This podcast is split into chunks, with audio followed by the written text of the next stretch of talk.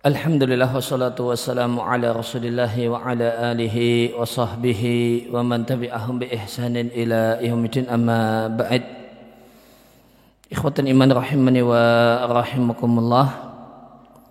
Mulai kesempatan ya, kali ini kita akan membaca dan memulai membaca dan mentalaah atufah al-mardiyah bingkisan yang disukai fi ahkamil hibati wal hadiyah seputar ketentuan berkaitan dengan hibah dan hadiah karya Syekh Abdullah Al-Fauzan hafizallahu taala wa atala umrohu fi khairin wa ta'at. Kita mulai dari muqaddimah. Alhamdulillahi Rabbil Alamin Wassalatu wassalamu ala asrafil anbiya'i wal mursalin نبينا محمد وعلى آل وعلى آله وأصحابه أجمعين أما بعد فإن من محاسن الدين الإسلامي bagian dari sisi indah ajaran Islam adalah syariat al-ihsani disyariatkannya berbuat baik dengan harta dan adanya motivasi untuk melakukan hal itu Wadhalika dan hal tersebut dengan seorang muslim berbagi sebagian dari hartanya untuk saudaranya dalam bentuk hibah, hadiah atau sedekah. Wa dan telah diketahui marutiba ala dhalika minal ajril jazili. Pahala yang besar yang menjadi derivat dari hal itu Demikian juga berbagai macam maslahat yang besar yang muncul dan lahir darinya. Waqat itu dan aku berpandangan untuk mengumpulkan mata yasarali min ahamil masail fiqhiyati eh, berbagai macam permasalahan fikih yang tergolong yang paling penting yang berkenaan dengan hibah dan hadiah yang memungkinkan untuk aku kumpulkan. Nadaran menimbang bahasanya hibah dan hadiah adalah bagian dari akad tabarok, ya, akad e, berbuat baik yang tidaklah ada zaman dan makan, tidak ada waktu dan tempat yang tidak yang kosong darinya meskipun yakhtalifu husuluhuma terjadinya hibah dan hadiah itu beda-beda. Kilatan wa kasrotan kadang sedikit kadang banyak terjadi di masyarakat.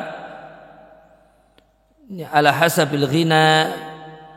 Dan ini faktornya adalah adalah karena ala hasabi sesuai dengan al-ghina kekayaan dan mahabbatil badli wal ata'i kesukaan untuk berbagi dan kesukaan untuk memberi. Wa ma huwa dan kebalikan dari hal itu. Ketika masyarakat itu cenderung mampu maka mungkin kegemaran atau akad hibah dan hadiah banyak terjadi. Lain hanya jika keadaan ekonomi itu menurun, mungkin ini mempengaruhi terjadinya akad hibah dan hadiah di masyarakat. Demikian juga mahabbatil badli wal ata'i ketika rasa suka berbagi itu tersebar di masyarakat maka kegiatan atau akad hibah dan hadiah banyak terjadi. Sebaliknya jika tidak adalah tidak. Mimma yakhtalifu bi ikhtilafil asminati wal ahwali.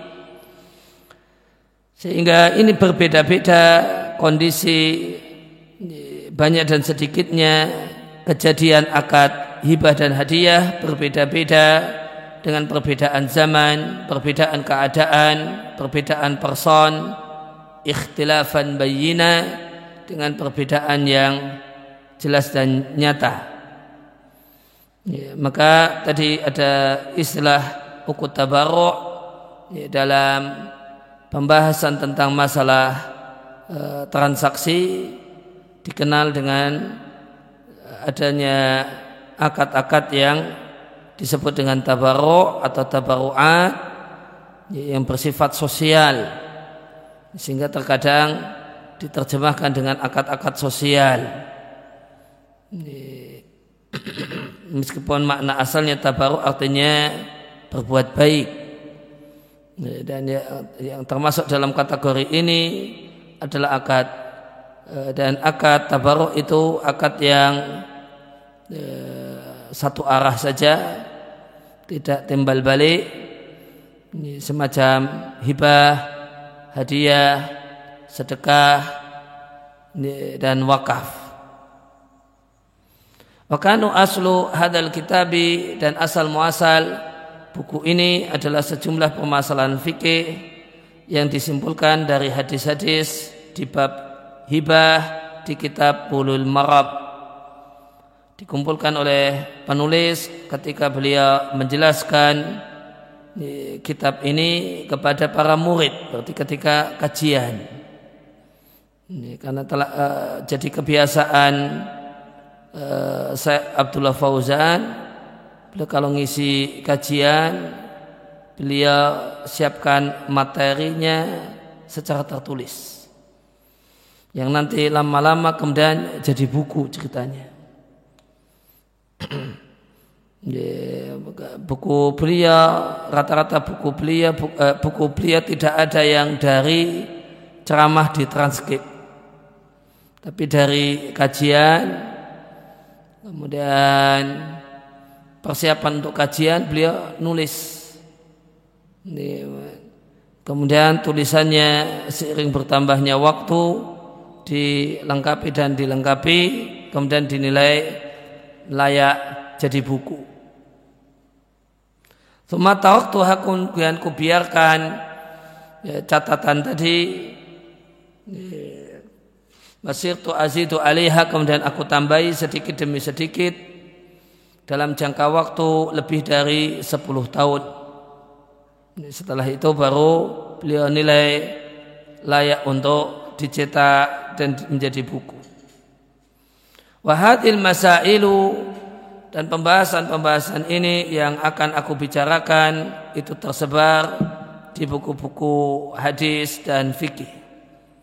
Masyarakat membutuhkannya untuk mengetahui berbagai macam hukum syariat yang berkaitan dengannya supaya seorang muslim itu ala basiratin berdasarkan ilmu tentang agamanya ketika e, memberikan hibah dan hadiah atau diberi hibah atau diberi hadiah ala annani namun perlu diketahui bahasanya ya, aku tidak bermaksud isti'abal masail. Isti'ab di sini maknanya mengumpulkan semua ya, permasalahan ya, atau ketentuan berkenaan dengan hibah dan uh, hibah dan hadiah. Hanyalah aku bicarakan yang aku lihat urgen dan ada kebutuhan untuk itu dan ini pun bersifat subjektif fi nadari dalam pandanganku. Orang lain boleh saja menimbang ada kebutuhan untuk membahas ini, ada sudut pandang yang berbeda. Namun ya ini subjektif. Apa yang dinilai penting untuk dibahas ini subjektif. Wa ma'ana ma'na al-hibati wal hadiyati mutakaribun dan mengingat bahasanya pengertian hibah dan hadiah itu berdekatan dan membedakan di antara keduanya adalah hal yang sulit karena tumpang tindih itu waridun terjadi dalam masalah ini. Kemudian ataf hadiah dengan hibah, judul bukunya uh, hibah dan hadiah. Maka hadiahnya diatofkan ke hibah ini masuk dalam atfil khas alal am.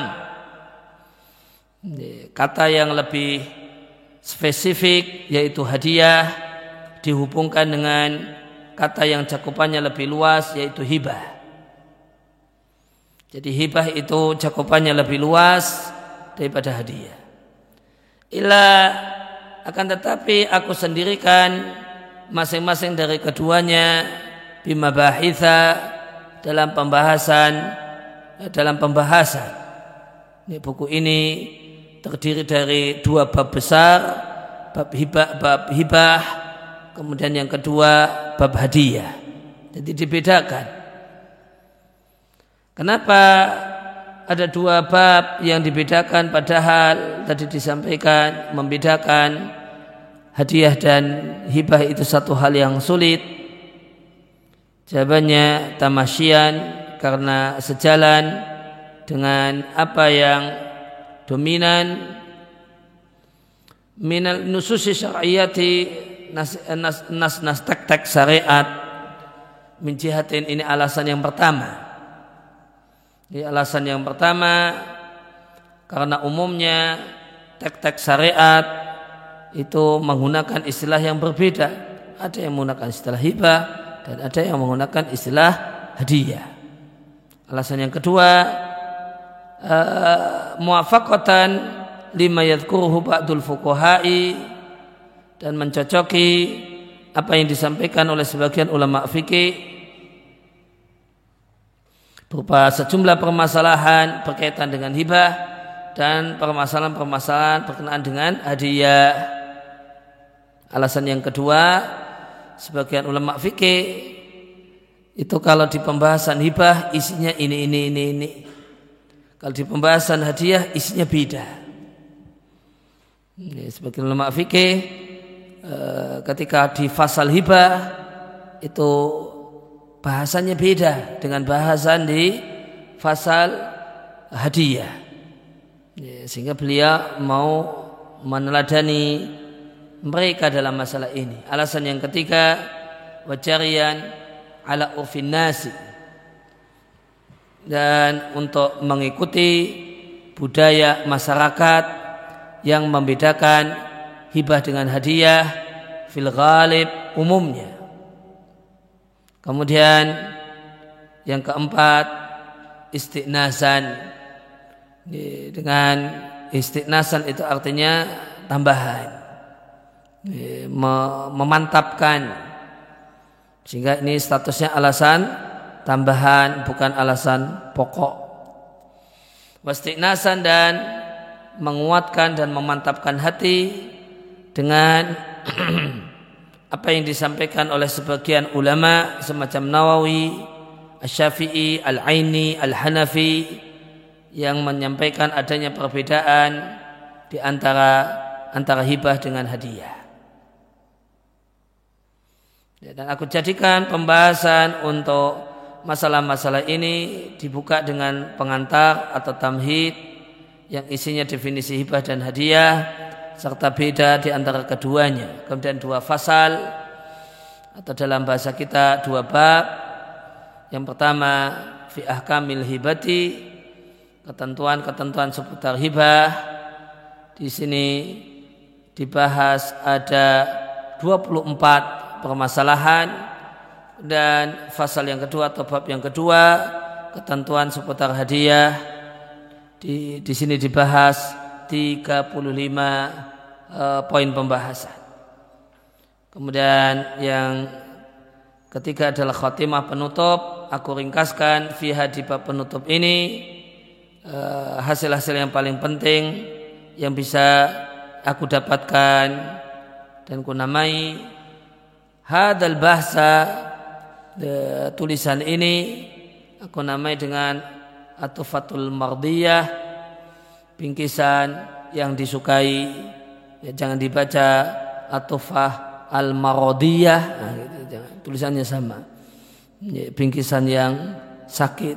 Nah, namun tofah mardiyah bingkisan yang disukai fi ahkamil hibati wal hadiyah. Wallaha as'alu. Hanya kepada Allah aku meminta agar Allah memberikan taufik dan kemudahan bagiku.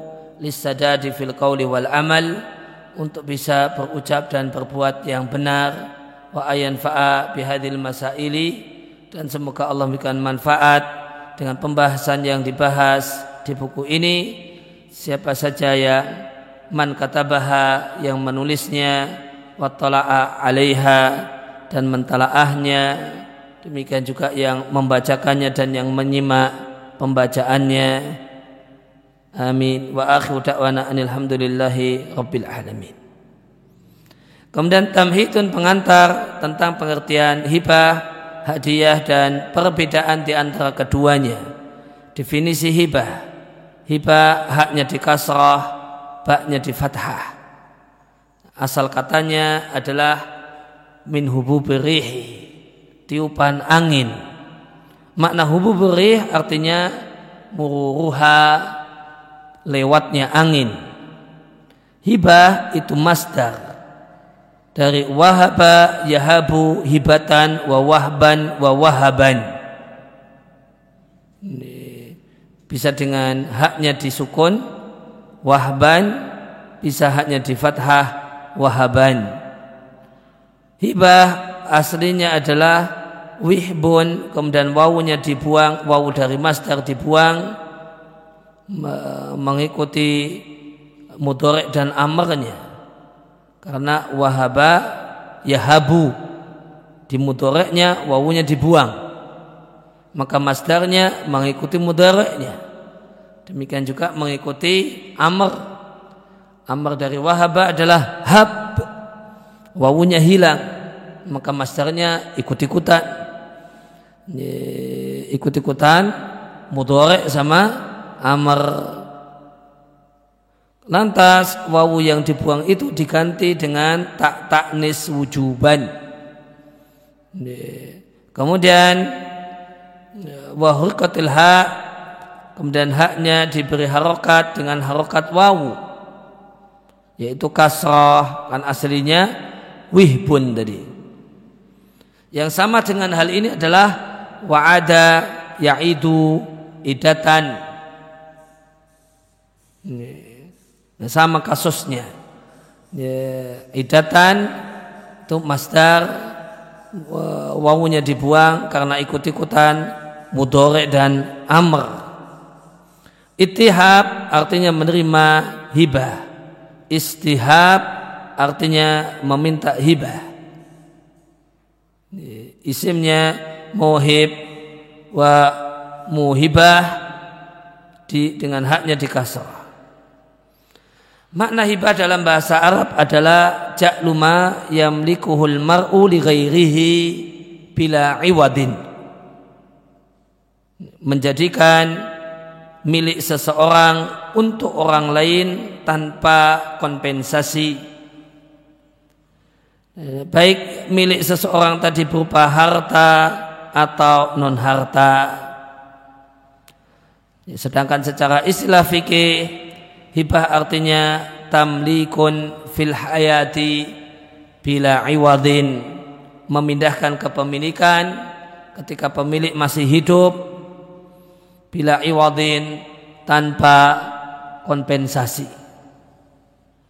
Apa itu tamlik?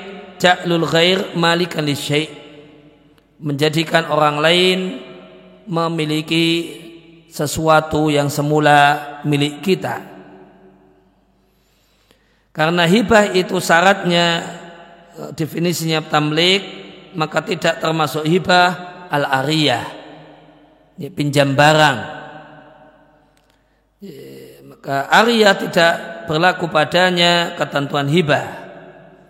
Karena ariyah atau meminjam barang hanya sekedar ibahah membolehkan dan mempersilahkan untuk mengambil manfaat barang tanpa memilikinya. Di annahu karena orang yang uh, pinjam barang dia memanfaatkan barang tersebut kemudian memulangkannya.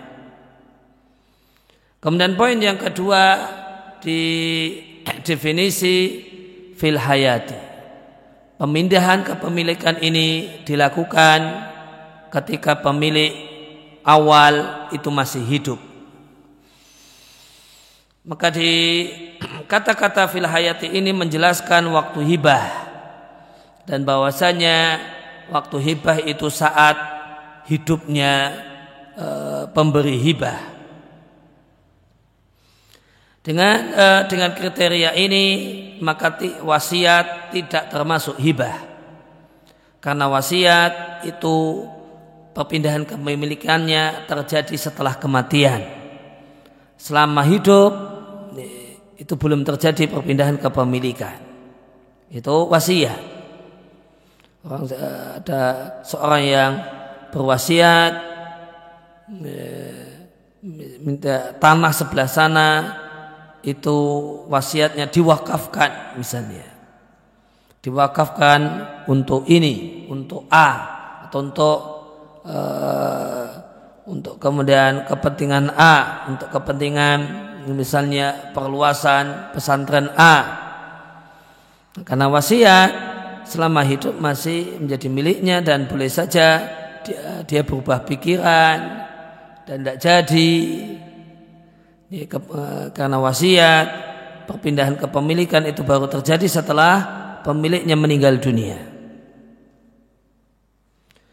Amma at-tabaruk bil mali adapun tabaruk bil mal berdonasi atau dengan harta dan semisal itu hala maradil mauti saat e, sakit yang mengantarkan pada kematian itu dalam istilah para ulama disebut atiyah. Maka apa beda atiyah sama wasiat? Kalau atiyah itu langsung dipindahkan saat sakit itu. Kepemilikannya langsung dipindahkan. Langsung dipindahkan itu namanya atiyah. Ini tanah saya sana itu saya serahkan kepada pesantren A. Dan sekarang pindahnya. Dan ini diikrarkan ketika beliau sakit dan menyadari sakitnya semakin berat ya, dan beliau sadar nampaknya ya, ajal semakin dekat ingin beramal soleh sebelum meninggal dunia. Ya, maka ini atiyah namanya. Kepemilikan sudah berpindah saat sakit saat sakit tersebut. Kalau wasiat Selama dia hidup masih 100% miliknya dan boleh diralat, boleh nggak jadi, boleh dikurangi, juga boleh ditambahi. Dan kepindahan eh, perpindahan kepemilikan baru terjadi setelah wasiat. Kemudian unsur lain dari definisi hibah adalah bila iwadin tanpa ada kompensasi yang diterima oleh pemberi hibah. Bila iwatin sama dengan bila mukobilin. Mukobil artinya kompensasi. Karena ada kata-kata bila iwadin maka baik itu tidak termasuk hibah. Liannahu karena baik jual beli itu memindahkan kepemilikan satu barang biiwadin maklumin dengan kompensasi yang diketahui. Wahada ta'rifu dan definisi ini khusus untuk hibah yang hibah mutlak. Mutlak di sini mutlak itu dalam bahasa Arab bisa artinya sempurna, misalnya iman mutlak. Itu artinya iman sempurna mutlak itu bisa artinya uh, uh, tanpa rincian ya, tanpa rincian. Hada yajuzu mutlakan ini boleh tanpa memakai rincian. Ya, dengan semua rinciannya boleh. Ya, tanpa pengecualian maksudnya tanpa rincian dan pengecualian. Kemudian yang ketiga makna mutlak itu seperti di sini tidak ada embel-embel di belakangnya. Tidak ada keterangan tambahan di belakangnya.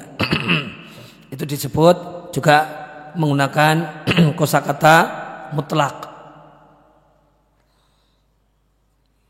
Maka ini khusus untuk hibah mutlak. Artinya eh, hibahnya cuma disebut hibah saja tanpa ada kata yang ditambahkan setelahnya. Contoh yang lainnya misalnya air mutlak. Hmm, air mutlak. Nah, air mutlak itu artinya bukan air sabun, bukan air mawar, bukan air ini ada embel-embel keterangan tambahan setelahnya. Ya, air begitu saja.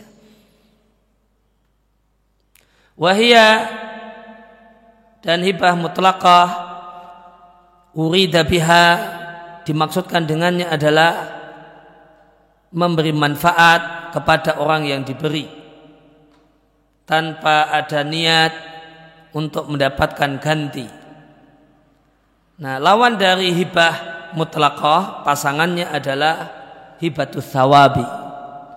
Hibah namun minta balasan. Hibah sawab di sini artinya balasan. Menginginkan agar pemberiannya ini diganti. Itu hibatus sawab. Ya, mungkin ya, ya banyak dari kado pernikahan itu hibatus sawab itu bukan hibah murni. Sebagiannya adalah atau uh, umumnya atau banyak darinya adalah hibatus tawa ngasih namun besok kalau saya nikah gantian ngasih kado. Wa yallati yuqsadu biha wahibu al-iwada. Hibatus thawab definisinya adalah pemberian yang maksud dari pelaku adalah mendapatkan iwad mendapatkan kompensasi wal mukafaata dan balasan alaiha karena hibah yang telah diberikan. Wasayati dzikruha insyaallah taala. Dan pembahasan tentang hibatus thawab nanti akan kita bahas.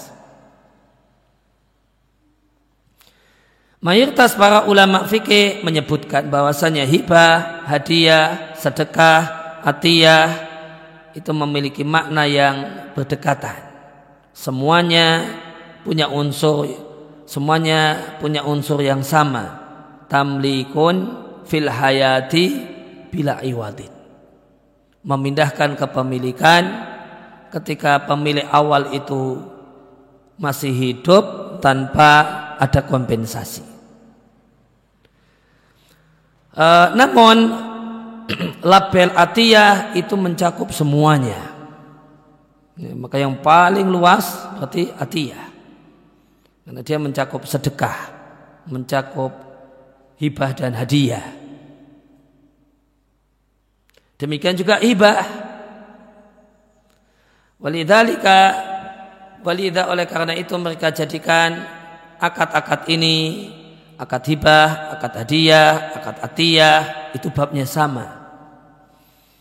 Karena ya, kosakata-kosakata tersebut seluruhnya sepakat dalam makna eh, dalam makna lugawi sepakat atau sama dengan hibah. Berdasarkan hal itu maka hadiah adalah bagian dari hibah. Berdasarkan hal itu sedekah juga bagian dari hibah. Rai akan tetapi ada perbedaan antara sedekah, hibah dan hadiah. Wal muawwalu dan yang menjadi uh, acuan dalam hal itu itunya pembedaan adalah ada wafi motivasi dan sebab serta niat yang berbeda antara pemberi sedekah, pemberi hadiah. Walau dzalika seandainya bukan karena motivasi yang beda-beda, niscaya tiga atau empat kosakata ini itu min qabili taradufi bagian dari sinonim.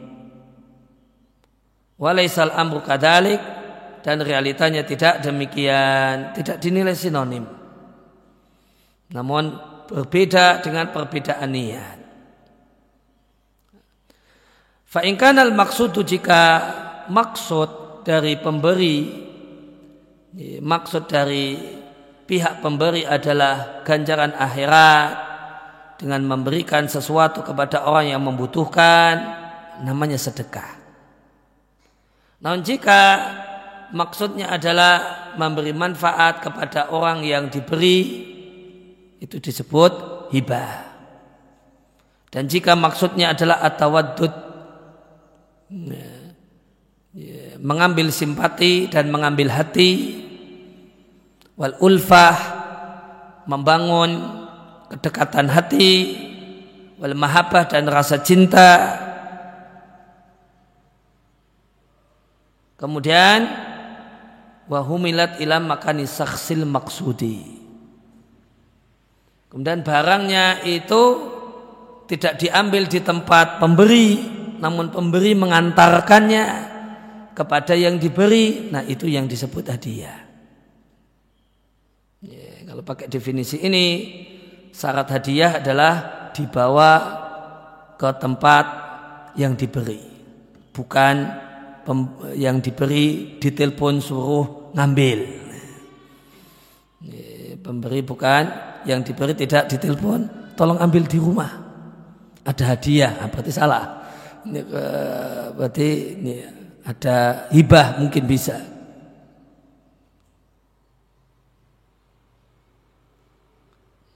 Yang pakai uh, syarat humilat ila makani saksil maksudi catatan kaki empat matalib ulin nuha berarti hambali murni muhtaj berarti Syafi'i.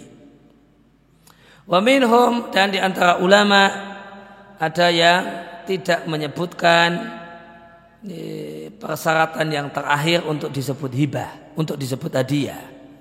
Sebagian tidak mensyaratkan harus humilat ila makani saksil maksudi.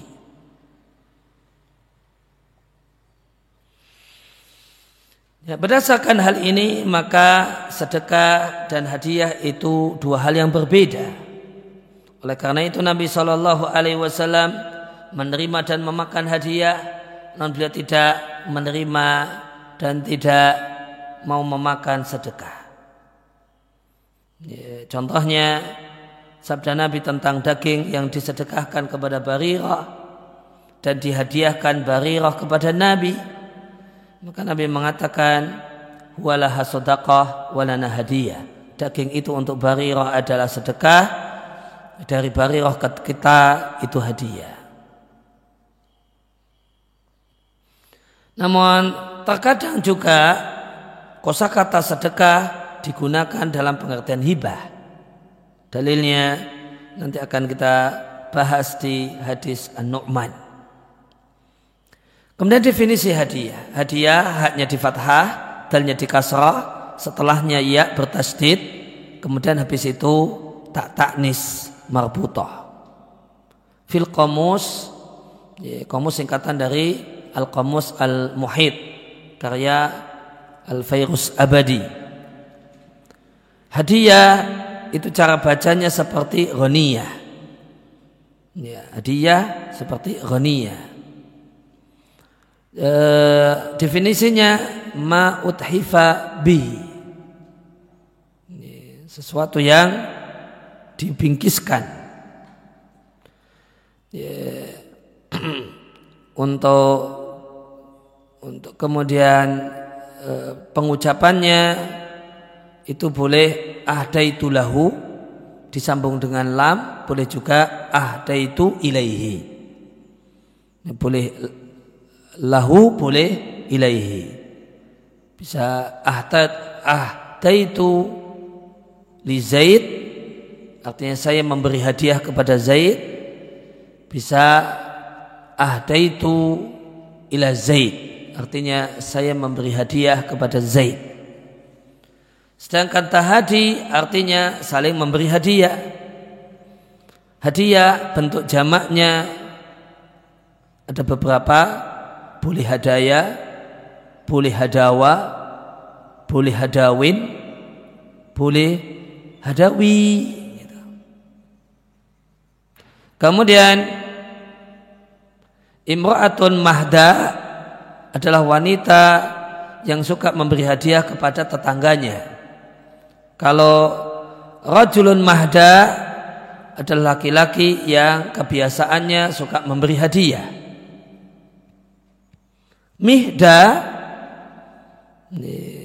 bil kasri mimnya di kasrah maksur dan dibaca pendek mihda adalah al-ina alladhi yuhda fihi wadah atau nampan atau semacam itu yang hadiah itu diletakkan di sana.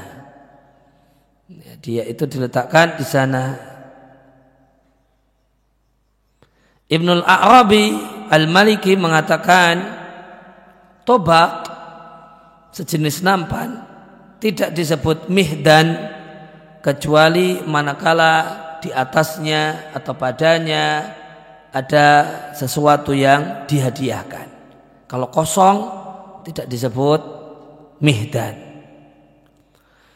Dalam istilah fikih, hadiah artinya daf'u ainin, menyerahkan barang ila saksin kepada seseorang bikostil ikrami dengan niat untuk memuliakannya atau tawadud mengambil cintanya artinya mengambil hatinya atau mukafaah atau membalasnya membalas kebaikannya.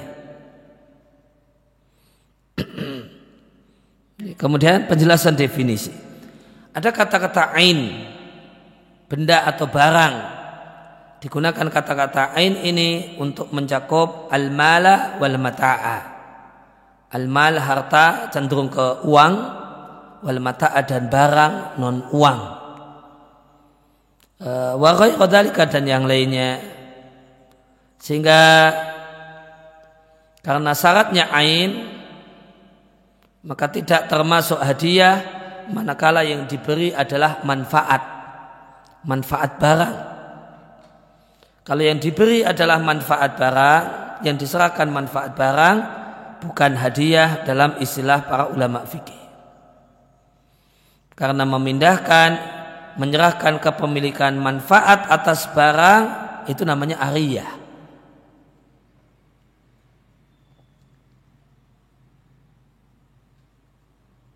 Ini istilah fikih. Kalau manfaat itu tidak disebut hadiah. Lakin saya nanti akan dibahas bahasanya ternyata hadiah namun itu di luar istilah fikih itu takunu fil manafi. Bisa untuk manfaat barang bahkan dalam masalah ilmiah fawaid ilmiah dan nasihat.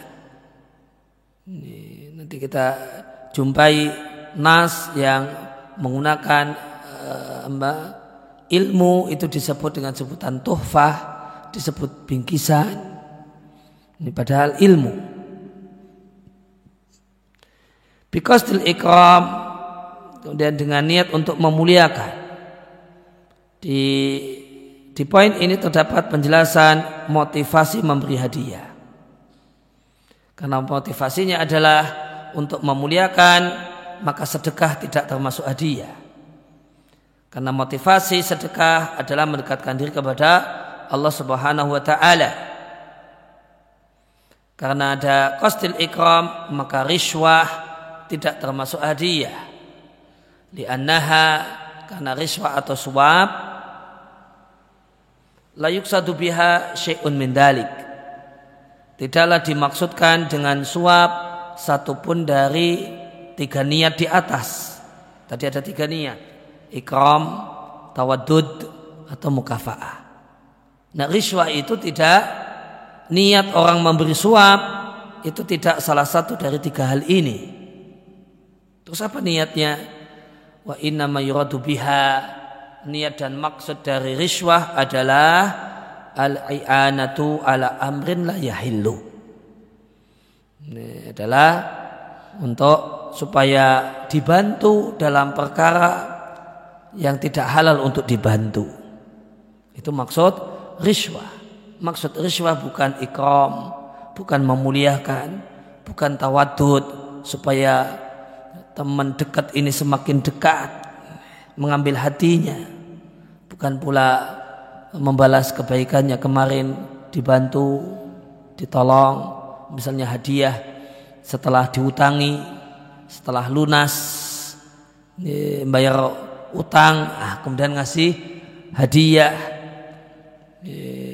kepada yang menghutangi riswah tidak punya tidak terkandung tiga niat di atas. Niatnya adalah supaya dibantu dalam hal yang sebenarnya tidak boleh.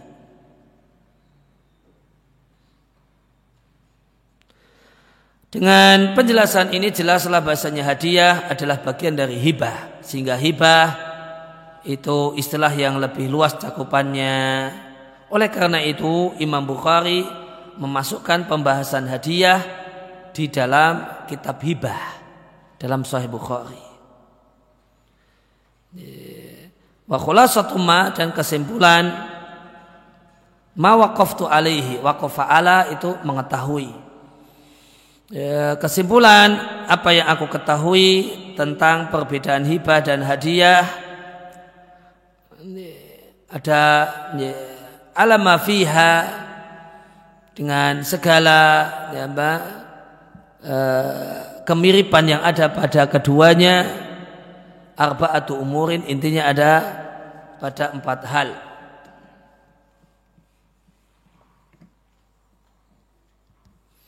Yang pertama hadiah itu di, dipindahkan kepada orang yang diberi hadiah. Dipindahkan, maka orang yang diberi hadiah tidak diminta untuk datang. Ya, namun barangnya yang dikirimkan kepada orang yang diberi. Tadi sudah kita bahas tadi. Yang namanya benda hadiah dipindahkan kepada orang yang diberi hadiah. Ada kegiatan memindahkan. Baik orang yang memberi hadiah itu itu sendiri yang datang atau dia nyuruh orang untuk mengirimkan kepada yang diberi hadiah dalam rangka menghormatinya dan menghormatinya. Dan aku akan sebutkan hal itu insya Allah Ta'ala ketika membahas tentang hal-hal yang menambah yang bisa menambah bagusnya hadiah. Kemudian yang kedua, hadiah itu tidak mesti diterima. Orangnya sudah memberi hadiah, meskipun tidak diterima wa wal hibatu yalzamu fiha. Sedangkan hibah itu ya, mengharuskan untuk diterima baru bisa disebut hibah. Demikian ya, bedanya menurut mayoritas para ulama fikih. Yang ketiga, hibah itu boleh ada padanya syarat e, mendapatkan kompensasi. Ya, yang tadi disebut dengan hibatus sawab. Yang ini berbeda dengan hadiah. Yang keempat anal ghaliba umumnya hadiah itu niatnya niat pemberi hadiah adalah memuliakan dan mengambil hati. Bi khilafil hibati lain hanya dengan hibah. Kita masuk pada uh, bab pertama ahkamul hibati ketentuan-ketentuan seputar hibah.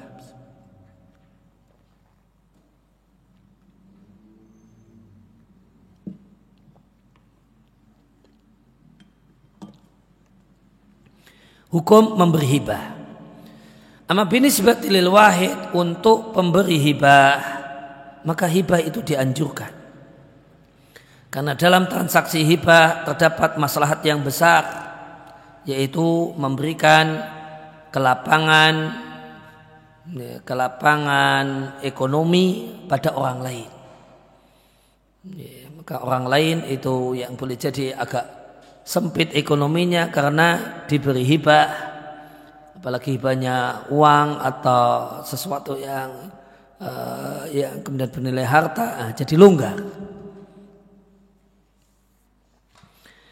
Kemudian manfaat yang lainnya adalah menghilangkan pelit pada diri orang yang memberi hibah.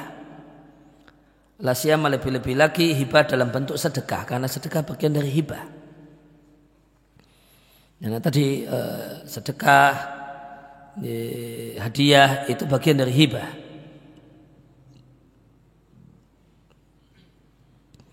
Kemudian alasan yang lainnya kenapa dianjurkan karena hibah adalah salah satu bentuk berbuat baik yang Allah perintahkan dan Allah sanjung orang yang melakukannya.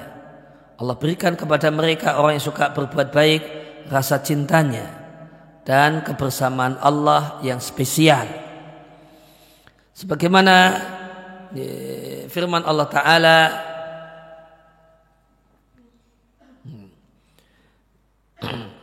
Uh, sebelumnya khosah dalam bahasa Arab itu uh, memiliki sejumlah arti.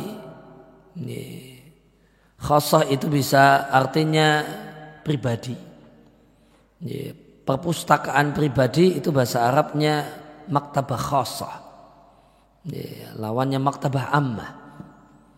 Bisa terjemahnya bisa pribadi. Bisa juga uh, terjemah yang tepat itu spesial, istimewa. Contohnya di sini, ma'iyah Allah al khasah kebersamaan Allah yang spesial, yang istimewa.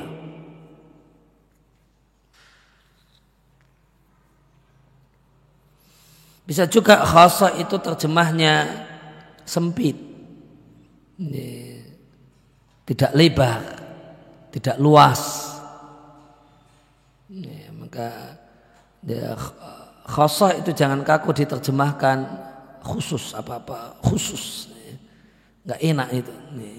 Namun ya bisa artinya ya, jangan maktabah khosoh perpustakaan khusus. Nah itu nah, khusus apa ini? Ya. tapi perpustakaan pribadi. Ada ya, ya, maslahatul ammah muqaddam ala maslahatul khasah. Kepentingan umum itu lebih didahulukan daripada kepentingan pribadi. Jangan kepentingan umum lebih didahulukan daripada kepentingan khusus. Nah, ini kepentingan khusus.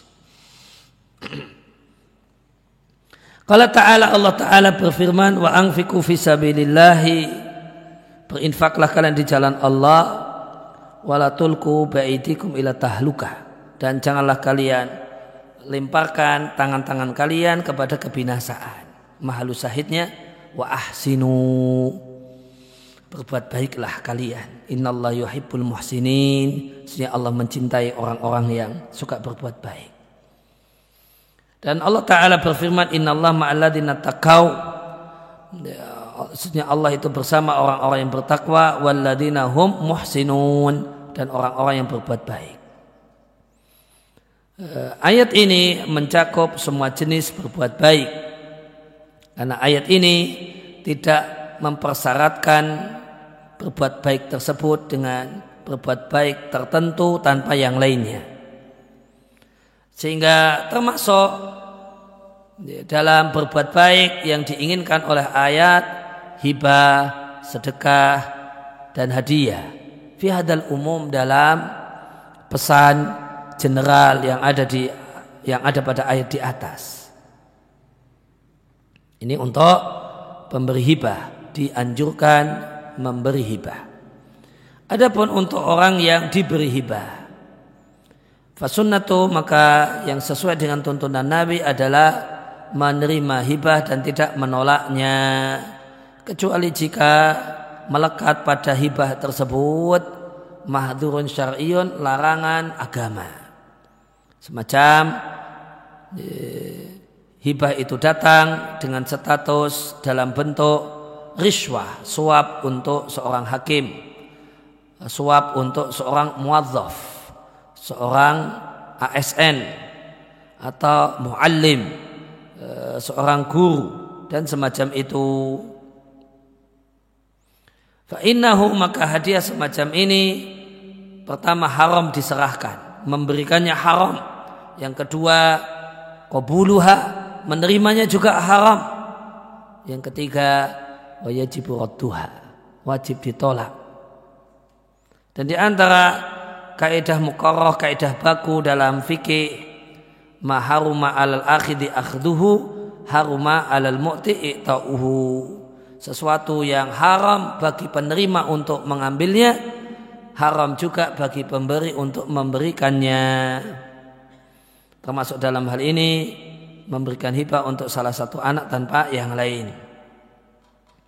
Dan tidak ada kebaikan dalam hibah yang niatnya adalah ingin dilihat orang atau ingin didengar orang. Mengingat sabda Nabi sallallahu alaihi wasallam man sama'a sama Allahu bihi siapa yang beramal ingin didengar orang maka Allah akan perdengarkan kejelekannya. Wa man yura'i yura'illahu bihi dan siapa yang beramal karena ingin dilihat orang maka Allah akan memperlihatkan kejelekan-kejelekannya. Al-Khattabi Asy-Syafi'i mengatakan makna hadis man amila amalan ala ghairi ikhlasin. Siapa yang melakukan amal tanpa ikhlas wa inna ma yuridu ayar ayarahun nasu wa isma'uhu. Hanyalah yang dia inginkan agar banyak orang melihatnya dan mendengarnya.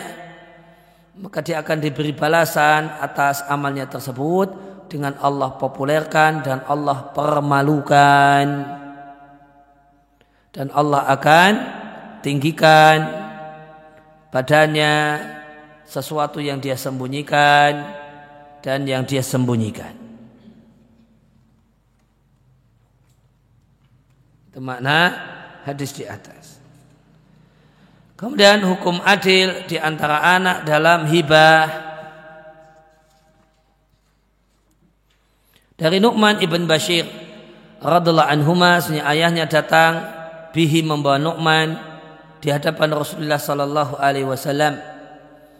Ayah kemudian eh, Bashir kemudian mengatakan aku berikan pada anak laki-lakiku ini budak laki-laki yang aku miliki. Rasulullah Shallallahu Alaihi Wasallam lantas bertanya, apakah semua anakmu kau berikan padanya semisal ini? Bashir mengatakan tidak.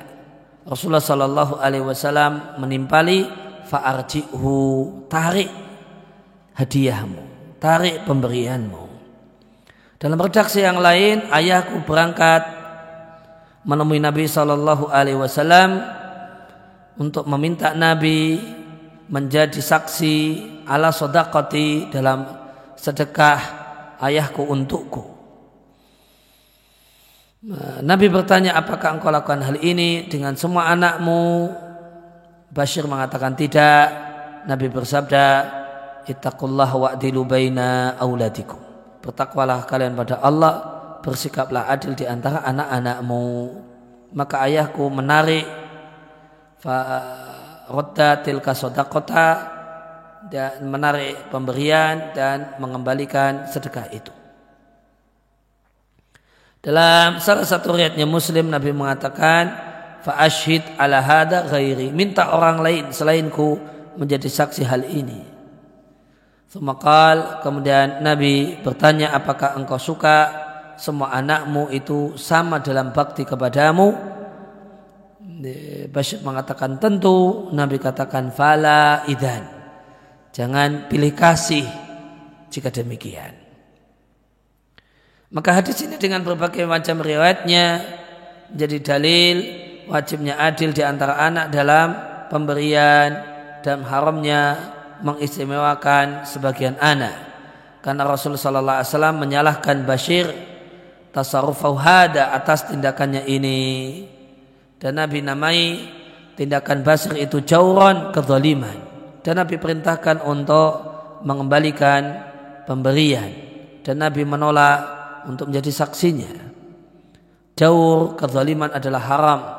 Dan perintah untuk menarik pemberian menghasilkan hukum wajib. Dan pendapat mengatakan wajibnya adil dan sama di antara anak adalah madhab Imam Ahmad dan Ishaq. E, menurut Hikayat Ibnu Hazm ini adalah pendapat mayoritas para salaf. Dan ini menyelisihi jumhur. Ya, berarti jumhur ya, tiga madhab itu menilai bahasanya ya, sama di antara anak dalam masalah hibah itu anjuran, tidak wajib. Dan di antara ulama yang menilai wajibnya sama antara anak dalam hibah ada Syaukani, Syekh Muhammad ibn Ibrahim dan saya Abdul Aziz ibn Bas rahimallahu jami. Pendapat yang kedua, sama rata di antara anak dianjurkan tidak wajib. Ada anak yang lebih di, diunggulkan, itu hukumnya makruh dan ini pendapat mayoritas para ulama. Maka berdasarkan pendapat ini dibolehkan tafdilu, mengistimewakan salah satu anak.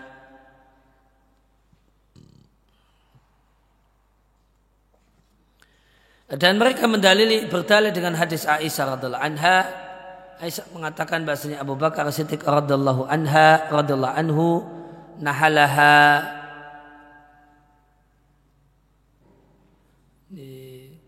uh, memberikan kepada Aisyah jada istri nawasakan 20 wasak dari hartanya Abu Bakar yang ada di hutan. Tatkala kematian mendatangi Abu Bakar, Abu Bakar mengatakan, Wallah demi Allah ya bunayatu wahai anak perempuanku tidak ada manusia yang ya, seorang pun yang uh, yang aku inginkan berkehidupan berkecukupan dalam hidup setelahku setelahku yaitu setelah aku meninggal dunia kecuali dirimu dan tidak ada sesuatu yang demikian berat bagiku jika dia orang tersebut mengalami kefakiran setelah aku meninggal dunia, mingki dibandingkan dirimu.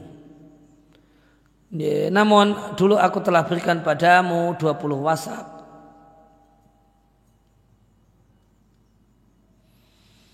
Falau kunti maka seandainya engkau telah jadatihi, engkau telah memanennya, wahta wahtazatihi, karena laka maka itu adalah milikmu. Karena lagi maka itu milikmu. Wa inna huwa liyawma malun waridun. Adapun hari ini posisi ayahmu hendak meninggal dunia maka itu harta warisan. Wa inna huwa maka dia adalah milik juga saudaramu dan saudara perempuanmu. Maka bagilah harta warisan itu ala kitabillah berdasarkan hukum Allah. Ya, uh, catatan kaki hadis ini diatkan oleh Imam Malik di Irwa'ul Ghalil Al-Albani mengatakan sahih sanadu sahihun ala sakti syekhaini. Tadi ada kata-kata jad. Jad artinya majedud, ay maktu sudah dipanen. Sudah dipotong, dipanen.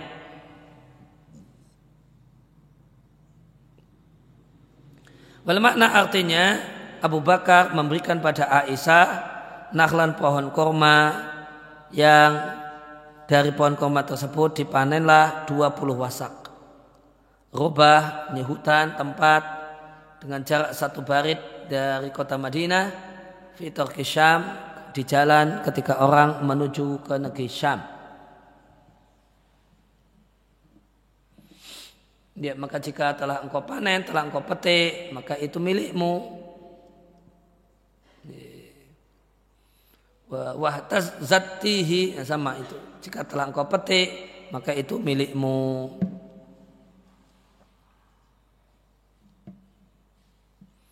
Kamu sadalu sebagaimana jumur berdalil dengan hadis Nu'man ya, untuk uh, yaitu sabda Nabi, carilah saksi untuk hal ini selainku. Maka kata-kata ini menunjukkan bolehnya mencari saksi orang lain dan tidaklah dibolehkan mencari saksi kecuali untuk perkara yang boleh. Sehingga penolakan Nabi untuk memberikan persaksian itu ala wajib tanazuh itu statusnya adalah makruh. Dan mereka para jum, uh, jumhur itu memberikan jawaban untuk hadis ini yaitu hadis Numan bin Bashir dengan jawaban yang banyak disebutkan oleh Al-Hafidh Ibnu Hajar. Namun menurut saya Abdullah menurut penulis semuanya adalah alasan-alasan yang tidak bangkit. Alasan-alasan yang tidak kuat. Semacam ucapan mereka uh, hibah yang diberikan pada Nu'man itu semua harta ayahnya.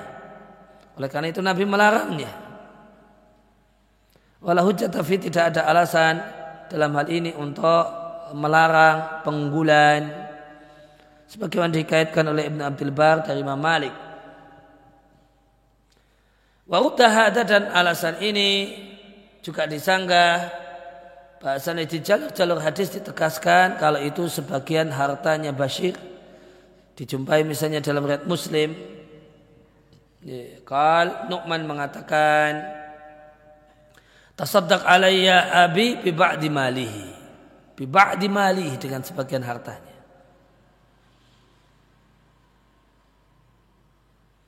Kemudian jawaban yang lain Anal atiyat al mazkurata pemberian yang disebutkan dalam hadis Nu'man itu ghairu munajjazah. Munajjazah itu jenis akad. Jenis akad yaitu akadnya itu munajazah itu ya sekarang bukan eh, lawan dari munajazah itu mu'alak ya, lawannya mu'alak bersyarat jika fulan datang jika anakku pulang dari luar negeri aku beri kamu hadiah. Nah, itu berarti hadiahnya tidak munajazah Nah ini uh, pemberian Bashir kepada Nu'man itu bukan munajaza. Boleh jadi di, di, atau kemudian lawan munajaza itu mu'allak sama akad mu'allak sama akad idofah. Contoh akad idofah itu wasiat. Itu juga idofah. Ini jadi milikmu nanti. Ini jadi milikmu tapi uh, bulan depan. Ini uh, pemberiannya tidak munajazah.